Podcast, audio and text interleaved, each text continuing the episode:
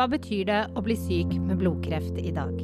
Og hvem er legen som behandler pasienten? Og hva bidrar legene med for at pasienter skal få den beste behandlingen som finnes?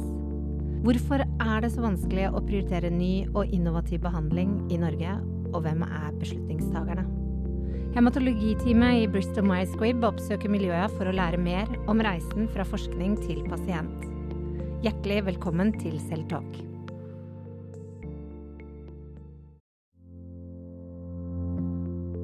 Velkommen til deg, Alexander Fosså, eh, overlege ved Oslo universitetssykehus, avdeling eh, for kreftbehandling ved Radiumhospitalet. Takk, veldig hyggelig å være her. Det er ikke uten grunn at jeg har invitert akkurat deg. Vi skal snakke om eh, lymfo, lymfekreft i dag. Um, og så har jeg litt lyst til å spørre deg noen spørsmål. Jeg vet nemlig at din far, han var ortoped, eller uh, Han var ortoped. Ja. Han. Og så har du en mor som er professor i uh, onkologi. Ja, så hun driver med det samme som meg. Ja, det samme som meg. Um, du, da er det kanskje ikke så rart at du valgte medisin selv som utdanning? Nei, det var det mest naturlige. Så når jeg snakket hjemme om at jeg ville studere medisin, så var de veldig interessert. Hvis jeg skulle studere noe annet, så ja ja, det er greit, men la oss nå snakke om noe annet i stedet. så det ble slik. Veien ble lagt ganske tidlig. Det tror, tror du det er enklere å eh, begynne eh, medisinsk utdanning når man har foreldre som jobber innenfor eh, det faget? Tror jeg vel er sånn for de fleste ting. Om du begynner med musikk og har musikerforeldre, eller spiller fotball og har en far som kan vise deg alt. Jeg tror det hjelper på de fleste ting. For meg var det veldig naturlig. Det var liksom kjærkomment å komme på sykehus. Jeg syns det var et spennende miljø fra jeg var barn. Og uh, jeg har hatt mye hjelp av uh, både rollemodellene som mine foreldre har vært, og uh, mange diskusjoner jeg har hatt med foreldrene mine. Både faren min, som ikke drev med kreft, og med moren min. Mm. Og så valgte du kreft. Vil du si litt om hvorfor du gjorde det? Det er nok fordi jeg var med moren min mye på jobb da jeg var liten. Uh, og syns at det som foregikk på Radiumhospitalet var spennende, rett og slett. Uh, så det har alltid stått for meg som et veldig spennende og alvorlig fag. Altså her dreier det seg om noe som er viktig. Uh, så det var uh, alltid høyt opp på listen. Jeg prøvde meg på noen andre ting også. Uh, prøvde meg i barnemedisin, men jeg kunne ikke se små syke barn. Jeg ble så lei meg av det. Så all ære til de som orker det. og så falt jeg inn i, i kreft relativt med en gang etter studiet, og har vært der siden. Aldri angret. Og du tok utdannelsen din i Tyskland, har jeg forstått? Eller Ja, deler av den? Nei, hele utdannelsen. Eh, Min mor er tysk, og tysk er mitt morsmål. Og uh, selv om jeg hadde studieplass i Oslo, og min far syns jeg ødela livet mitt ved å si nei takk til den, så, så ville jeg gjerne ut og oppleve noe annet enn uh, Oslo og der hvor jeg var oppvokst. Så det har jeg ikke angret på. Det var veldig spennende å være i utlandet. og det blåser litt friskere i de store landene ute i Europa, så det var veldig veldig spennende. Jeg var der også i fem år etter studiet og jobbet, så Ja. fikk med meg mye av eh, det internasjonale miljøet knyttet til Ja. spesielt lymfekreft. Mm. Og Tyskland er jo et ganske stort helsevesen eh, kontra Norge, lille Norge. Ja, og Så- mye medisinsk eller eh, farmasøytisk industri som jo bruker sykehusene sine som hjemmebane. Nærhet til Sveits, som er et stort farmasøytisk eh, land. Eh, så eh, det kom mye nytt, og det var veldig spennende å være der. Mm. Og så tok du veien til Norge igjen, og til Oslo. Ja, det er sikkert uh, genetisk bestemt at jeg skulle ende opp på Radiumhospitalet, så det får jeg bare akseptere. Sånn er det. Som en slags arvelig sykdom. Ja. Så eh, jeg ser for meg at du og moren din har hatt veldig mange samtaler eh, rundt eh, onkologi og det du jobber med i dag. Absolutt. da jeg var liten og høre henne snakke om det hun drev med, syns jeg alltid var kjempespennende. Vi skal kanskje i løpet av samtalen vår snakke litt om, om seneffekter, da hun begynte å jobbe med det, og høre om hvordan det gikk med disse unge mennene med testikkelkreft som, som ble friske og som skulle få barn igjen og sånne ting. Jeg syns det var kjempespennende. og vi har mange gode samtaler, også eh, sånn på forskningsfronten. om ting vi holder på med den Mm. dag i dag. Hun er jo nå snart 80 år. Ja. Mm. Og eh, jeg har eh, hørt noen rykter om at hun har forsket eh, da på testikkelkreft. Og eh, er det sant at eh, Lance Armstrong har gått inn med forskningsmidler til din mors forskning? Det er riktig. For noen år siden, da han fortsatt eh, var eh, i det gode selskap, før han ble avslørt med dopingen sin, så hadde han gitt eh, Jeg husker ikke nøyaktig beløpet, men det var et anselig stort beløp til eh, forskning på seneffekter etter eh, behandling for testikkelkreft til min mors forskningsprosjekter. Og det hang en sykkel, en konkurransesykkel av Lance Armstrong i foajeen på Radiumhospitalet. og det var stor stas knyttet til det. Jeg tror aldri han fikk igjen pengene etter at han ble avslørt, men sykkelen ble jo tatt ned, så den eh, henger ingen steder lenger. Jeg tror jeg står på loftet et sted. Ok, så den, den finnes der et Den eller annet sted? Den finnes et eller annet sted, tror jeg. Mm. Ja. Eh, da kommer vi litt videre inn på eh, dette med at du er onkolog, eh, Alexander, eh, kontra det å være hematolog. For vi skal snakke om lymfekreft. Og eh, for meg, da, så er jo blodkreft en, kanskje en litt sånn samlebetegnelse for flere ting. Men det er jo tre hovedkategorier eh, innenfor det dere holder på med her. Eh, og det er onkologer versus hematologer, som driver innenfor litt det samme feltet. Vil du si litt mer om det? Ja, du er eh, absolutt eh, godt eh, orientert rundt det. Eh, eh, hvis du ser på blodkreft som en samlebetegnelse, så er jo det kreft som utgår fra de forskjellige blodcellene vi har. eh, og det er mange typer blodceller. Men derav så kan man da ha litt forskjellige varianter av kreftsykdommer. Eh, blodkreft kan du si i en mer sånn snever betegnelse er alt som har med blod og benmarg å gjøre. Leukemier. eh, og de finnes i, i forskjellige varianter. Men så har du også blodsykdommer som stort sett holder seg i benmargen, som vi kaller benmargskreft. Og så har du blodkreftsykdommer som sitter i hovedsak i lymfeknutene, som vi kaller lymfekreft. Men disse tre, blodkreft, benmargskreft og lymfekreft, er nært beslektede sykdommer. Og hvorfor vi gjør det i Norge, at det er stort sett hematologene, altså blodlegene, som tar seg av blodkreft og benmargskreft, og vi kreftleger som tar oss av lymfekreft, det er litt historisk betinget. Og det er ingen kamp mellom oss. Vi er, vi er gode venner og fordeler arbeidet godt mellom oss. Men i andre land så er det stort sett en og samme gruppe uh, leger som tar seg av hele, hele røkla. Mm. Eh, Så hvis en pasient kommer til et lite sykehus eh, utenfor Oslo, vil det være en hematolog eller en onkolog knyttet til det? Det kan variere hvordan man har lagt opp på det enkelte sykehus, og er ofte litt sånn historisk betinget. Hvis man har hatt en uh, dyktig onkolog der i, i, mange år som har tatt liksom, lymfekreft eller blodkreft, uh, i hvert fall lymfekreftfeltet, så er det ofte onkologene. Så det er store sykehus med flinke onkologer som har ansvaret for lymfekreftpasientene. Og så er det uh, flere store sykehus der det er hematologene som har det. Mm. Men det er uh, viktig at de som gjør det, gjør det over tid og, og, er trenet på det. Så går det helt fint uansett hvilken retning du kommer fra. Vi skal jo snakke litt mer om lymfekreftpasienter. Um, hva er det som gjør at pasienten går til legen sin? Lymfekreft er jo, eller lymfom som vi sier, er jo egentlig bare en forstørret lymfekute. Så det er jo en klump et sted da, som, som er et av hovedsymptomene. Nemlig en kul på halsen, en kul i armhulen, en kul i lysken. Der hvor vi har mange lymfeknuter vanligvis. Og så blir den forstørret fordi det vokser kreftceller i den. Uh, og du kan ha denne lymfekjertelen i brystkassa eller i magen. Da kjenner du ikke kulen, men du kjenner at det er noe som er i veien inn i brystkassa. Hoster, tungpust, eller i mageregionen at du har smerter. Uh, så det er nok det vanligste symptomet på, på lymfekreft. Men så kan du ha generelle symptomer, og disse generelle symptomene kan du også ha ved blodkreft og ved benmargskreft. Men uh, de er ganske typiske for lymfekreft. og Det er feber og nattesvette og vekttap. Du raser ned i vekt eller må skifte nattøy flere netter i uka, flere uker på rad. Så Det er nok de typiske symptomene. Så kan du ha lymfekreft veldig mange steder i kroppen, så det kan gi ganske mange forskjellige symptomer. Så øh, det kan variere litt fra person til person, øh, og i noen tilfeller være litt sånn spesielt. da.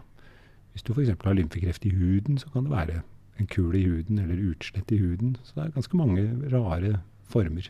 Mm. Men det vanlige er nå likevel det vanlige. Som jeg lærte på studiet, når det galopperer på gaten, så er det som regel en hest og ikke en sebra. så er det jo Lymfekreft er jo ikke bare én sykdom. Det er ganske mange undergrupper. Kan Nei. du si litt om det? Jeg tenker om det hadde vært slik at jeg skulle jobbe hele livet mitt bare med én sykdom. Da hadde jeg jo blitt et enkelt menneske. Uh, nei, uh, det vi i dag oppfatter som lymfekreft, er en, en sekkebetegnelse på i hvert fall 40-50 forskjellige sykdommer som delvis skiller seg ganske tydelig fra hverandre.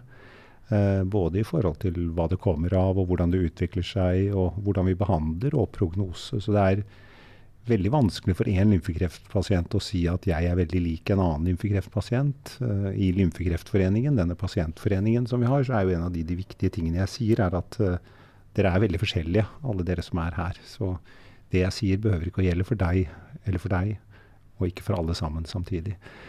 Um, så, det er bare viktig å være klar over at det er en veldig veldig stor uh, variasjon i det vi i dag kaller lymfekreft. Men uh, for hver enkelt gruppe så vet vi faktisk en hel del. slik at når en pasient sier at jeg har den type lymfekreft, så er det ganske mye vi kan si om akkurat den varianten likevel.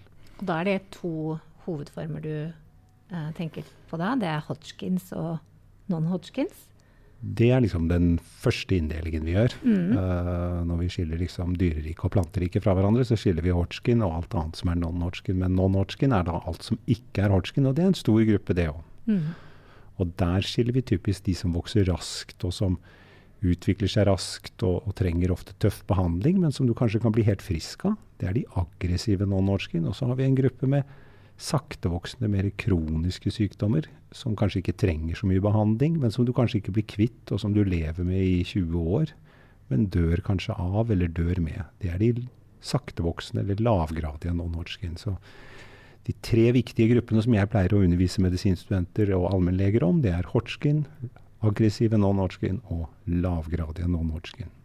Klarer folk å holde de tre fra hverandre, så har de kommet veldig langt, syns jeg. Hvem eh, er det som får eh, lymfekreft? Ser ja. man noe forskjell på i forhold til alder, kjønn? Nei, så altså, lymfekreft kan ramme alle. Det er eh, en sykdom som kan ramme barn og, og ungdom. Eh, og eldre og godt voksne. Eh,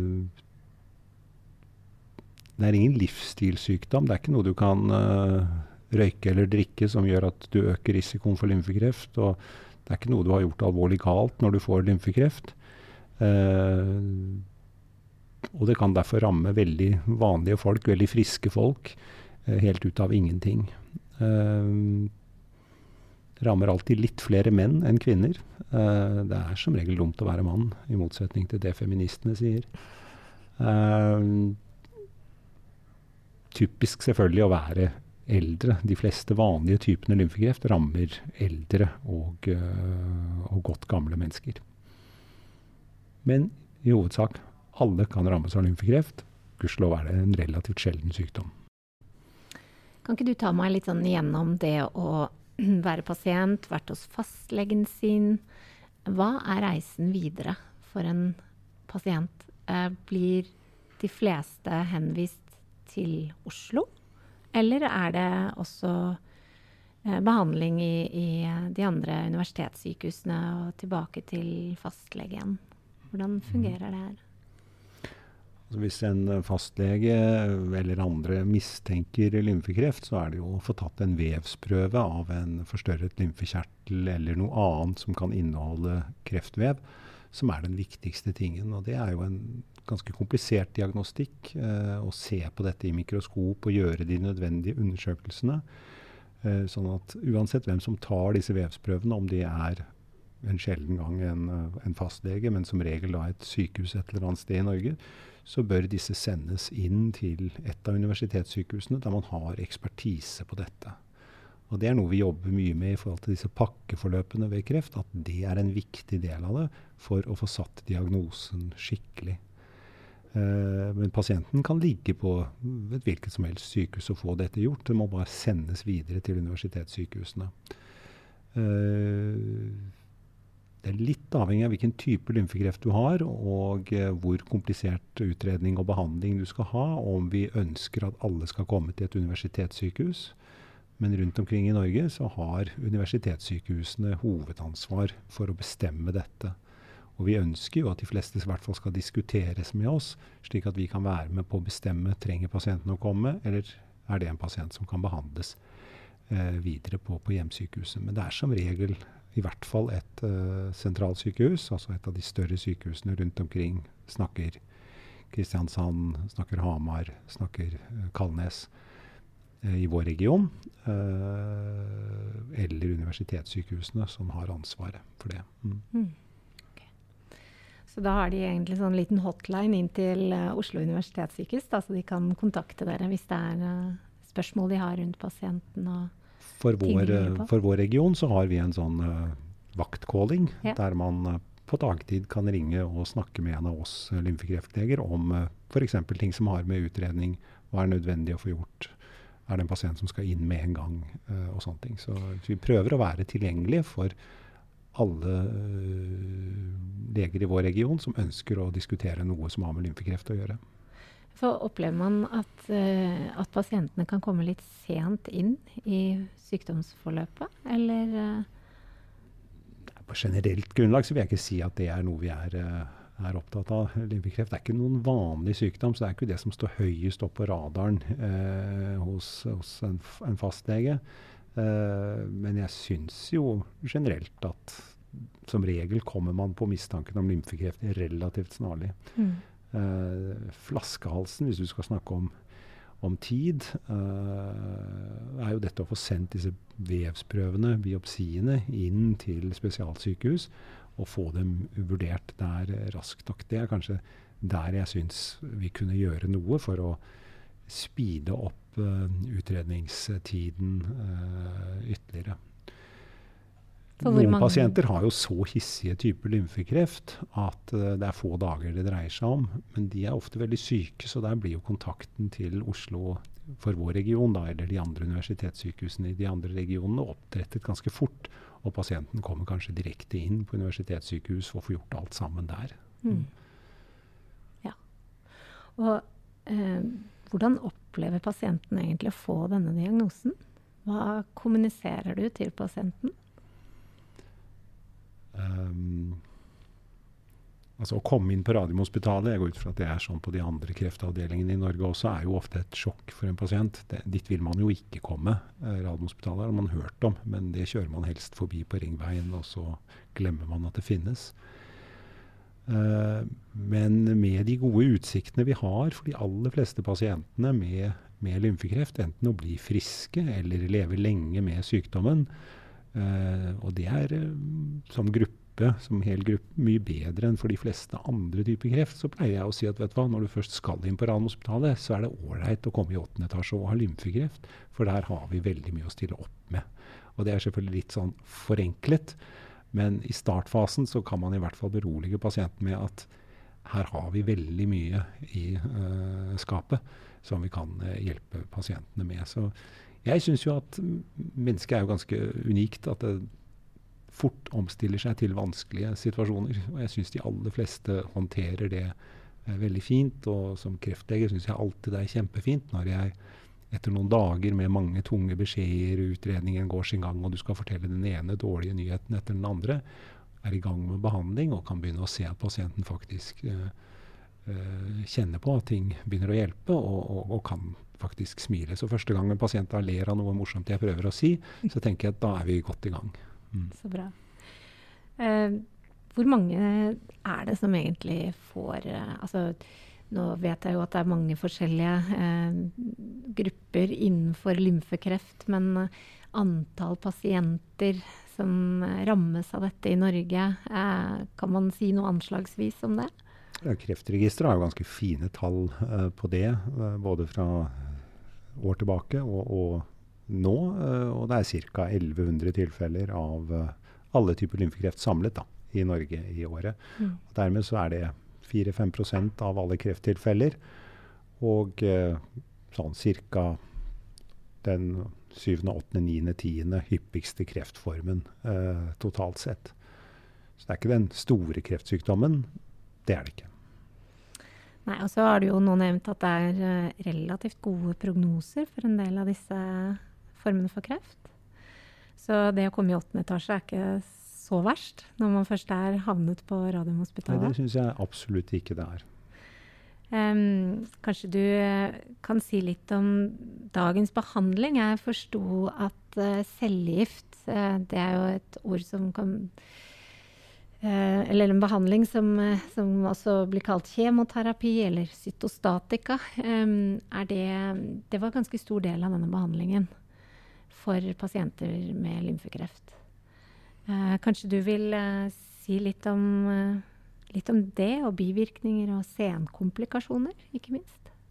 Ja, det er jo et, et, et stort tema, men, men det er fortsatt sånn at for de fleste pasienter med lymfekreft så vil cellegift, cytostatika, eh, på et eller annet tidspunkt være den rette behandlingen. Og spesielt på de sykdommene som er helbredelige, eh, så vil cellegift være den viktigste delen av, av behandlingen. Gjerne supplert med eh, immunbehandling, eh, der vi kan bruke kroppens eget immunforsvar eh, til å å hjelpe mot kreftcellene. Og med det så, så, blir veldig mange av disse vanlige typene helbredelige kreftformer helbredet. Noen skal da også ha strålebehandling i tillegg. Men for andre grupper, mer disse saktevoksende, kroniske, lavgradige non-Hodgkins lymfomene, så har vi funnet ut at cellegift er kanskje altfor mye for disse pasientene. Der har vi grupper der vi bare venter og ser, og ser om sykdommen bare holder seg eh, i ro av seg selv og aldri plager pasienten nevneverdig. Eller vi kan bare bruke immunologisk behandling. Eh, og i denne gruppen kommer det også stadig nye, mer skreddersydde, smarte behandlinger som ikke er cellegift. Så Eh, det er en tendens at i hvert fall i denne gruppen at vi går mer og mer bort fra cellegift og mer og mer over på eh, mildere behandlingsformer. Men dessverre, for de aller fleste er cellegift fortsatt viktig, og strålebehandling også en, en, en bit av behandlingen. Mm. Og eh, de som har vært igjennom det, kjenner det jo igjen, men, men cellegift er en, en, en, tøff behandling med mye bivirkninger på kort sikt og noen bivirkninger på lang sikt. og siden mange av disse pasientene er unge, øh, det er en større andel av de unge kreftpasientene som har lymfekreft, så, så, kan de leve i mange år etter behandling og da være mer utsatt for å utvikle seneffekter. Og seneffektene kan bety mer. Hvis vi tar ett eksempel. Uh, fertiliteten, altså evnen til å få barn, kan være redusert etter mange typer cellegift. Og, og, det betyr jo mest for de unge. Uh, hvis du ikke har fått de barna du skal ha, blir kurert for kreften din, så blir det ønsket om å få barn etterpå, det blir jo da noe vi må, må håndtere. Uh, og det å gi skånsom behandling som bevarer fertiliteten, er viktig, og hjelpe til hvis fertiliteten uh, ikke blir normal igjen etterpå. Så seneffekter etter cellegift er definitivt noe som forekommer. Vi har lært mye om seneffekter etter strålebehandling. Det betyr kanskje enda mer, og derfor bruker vi strålebehandling mye mer skånsomt i dag enn for 20 år siden for å unngå seneffekter av strålebehandling. Mm. Um, sikkert veldig forskjellig ut ifra de ulike sykdommene, forstår jeg nå. Men uh, hvor lang tid ser man for seg at uh, en behandling for um, pågår i tid? Uh, hvis du tar disse helbredelige typene av lymfekreft, uh, mm. der cellegift pluss minus litt strålebehandling etterpå uh, er det vanlige, så går behandlingen over en del måneder som regel. Mm. Det kan være alt fra tre til kanskje opptil seks måneder.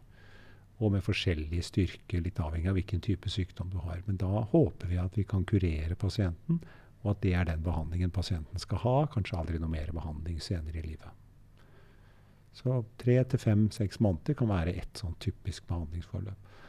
Det er litt annerledes med disse saktevoksende kroniske sykdommene, som uh, kommer tilbake nærmest uansett hva vi gjør, men det kan gå mange år mellom hver gang. Der må vi kanskje i gang med nye runder hele tiden. Og uh, vi bruker kanskje ikke cellegift, men immunbehandling, som vi da bruker i både ett og to år av gangen når vi først bruker det. Uh, men det er ofte da veldig skånsom behandling, så, så det, det ødelegger ikke livet og gir ikke så mye plager mens vi holder på. Eh, så da lar det seg greit gjennomføre flere ganger etter hverandre og over litt lengre tid. Men mange lymfekreftpasienter bruker ikke resten av livet sitt på behandlingen. Det gjør de ikke. Nei. Godt å høre. Eh, er det slik at eh, pasienter, når de har fullført behandling eh, Nå snakker vi jo veldig generelt om en stor gruppe pasienter, da, men eh, hva, hvor lenge går de til kontroll hos deg? For mange av gruppene så har vi tilbud om oppfølging i sykehustjenesten, i spesialisthelsetjenesten, opptil fem år etter behandling. Det må ikke være sånn. Det kan godt også delegeres til en fastlege, men, men det er liksom malen vår. Uh, deretter overlater vi kontrollene til fastlegen og uh, egenomsorgen som pasienten kan uh, yte ved å passe på seg selv og de symptomene som måtte komme. Disse saktevoksende kroniske sykdommene som gjerne kommer tilbake igjen uansett hva vi gjør, og som kan komme igjen etter mange mange år, der har vi nok en oppfølging litt lengre eh, hos, hos, mange av pasientene, slik at vi har dem på radaren vår eh, hele tiden. Mm. Det er jo mange av disse pasientene som da etter fem år er på en måte friskmeldt. Men så eh, snakker man jo om at man blir jo egentlig aldri helt frisk av kreft. Um, hva tenker du om det, og i forhold til et nettverk rundt pasienten når uh, de er ferdig behandlet? Er det dette med senkomplikasjoner og livet etter kreften? Um, er det gode nettverk for pasienter og pårørende der ute? Nå skisserte jeg jo nettopp sånn disse fem årene med sykehusoppfølging og deretter uh, hos fastlegen. Uh, det oppleves nok av mange ikke som noe godt nettverk. Mange føler jo at de overlates veldig til seg selv når de er ferdig med sykehusbehandlingen og ikke får den veldig tette oppfølgingen lenger. Og så skal de begynne å komme seg tilbake igjen i jobb og etablere seg igjen i sosialt liv. og begynne å trene igjen og alle disse tingene, og syns kanskje at det er ganske tungt, og opplever å være litt alene i det, så jeg tror nok at mange vil si at vi har ikke et eh, kjempegodt og velutviklet nettverk for oppfølging. Og eh, kanskje har vi det helt i starten, men, men så etter hvert så, så, blir det mer og mer hullete i hvordan vi klarer å følge opp eh, pasienter etter kreftbehandling. Dette gjelder ikke bare lymfekreft. Men vi jobber litt med det. Eh, vi har en egen gruppe på Radiumhospitalet, Nasjonalt senter for seneffekter etter kreftbehandling, som eh, for så vidt i sin tid ble grunnlagt av min mor, som vi snakket om i stad, eh, men som nå drives av andre. Som prøver å jobbe litt med det å sette dette litt i en slags struktur. Hvordan skal vi følge opp kreftoverlevere i mange, mange år etter behandling? ikke bare de første fem, men kanskje 10 og 20 år. Slik at seneffekter, problemer som dukker opp senere, blir håndtert av folk som kan noe om det. Mm. Det er uh, veldig godt å høre. Det har blitt veldig mye fokus på det uh, de siste uh, I hvert fall for meg som er vanlig dame i gata, så har man jo hørt mye mer om det de siste fem årene, kanskje. men for dere som har jobbet i sykehus og sett det i klinisk praksis, så så har det jo pågått lenger, selvfølgelig, at man har sett eh, disse senvirkningene. det er sikkert mange pasienter som ikke kanskje klarer å komme tilbake i jobb, eller Men uh, hvordan ser man det innenfor denne, disse med lymfekreft? Altså det første du sa om at dette har fått økende fokus, det er jeg helt enig i. Men da det liksom første gang dukket opp, da man første gangen fikk grupper av kreftpasienter som ble helbredet med cellegift og strålebehandling, på slutten av 80-tallet, 90-tallet, så var dette et nytt fagfelt. Og vi har nok jobbet, eller andre eh, som jeg har jobbet sammen med, har måttet slåss litt for å få plass i f.eks. Helsedirektoratets oppmerksomhet knyttet til at dette er et problem. At når du er frisk av kreft, så har du likevel ikke et helt normalt liv foran deg. Uh, og det ser vi jo f.eks. For i forhold til sannsynligheten for å komme tilbake igjen i jobb. Vi har statistikk som viser at etter brystkreftbehandling eller etter lymfekreftbehandling, så, så, er det en noe lavere sannsynlighet for at du klarer å komme tilbake igjen i arbeidet, eller stå i arbeidslivet helt ut. Og mye av det kan nok ha med, med seneffekter å gjøre, som, uh, som, reduserer din arbeidsevne, rett og slett.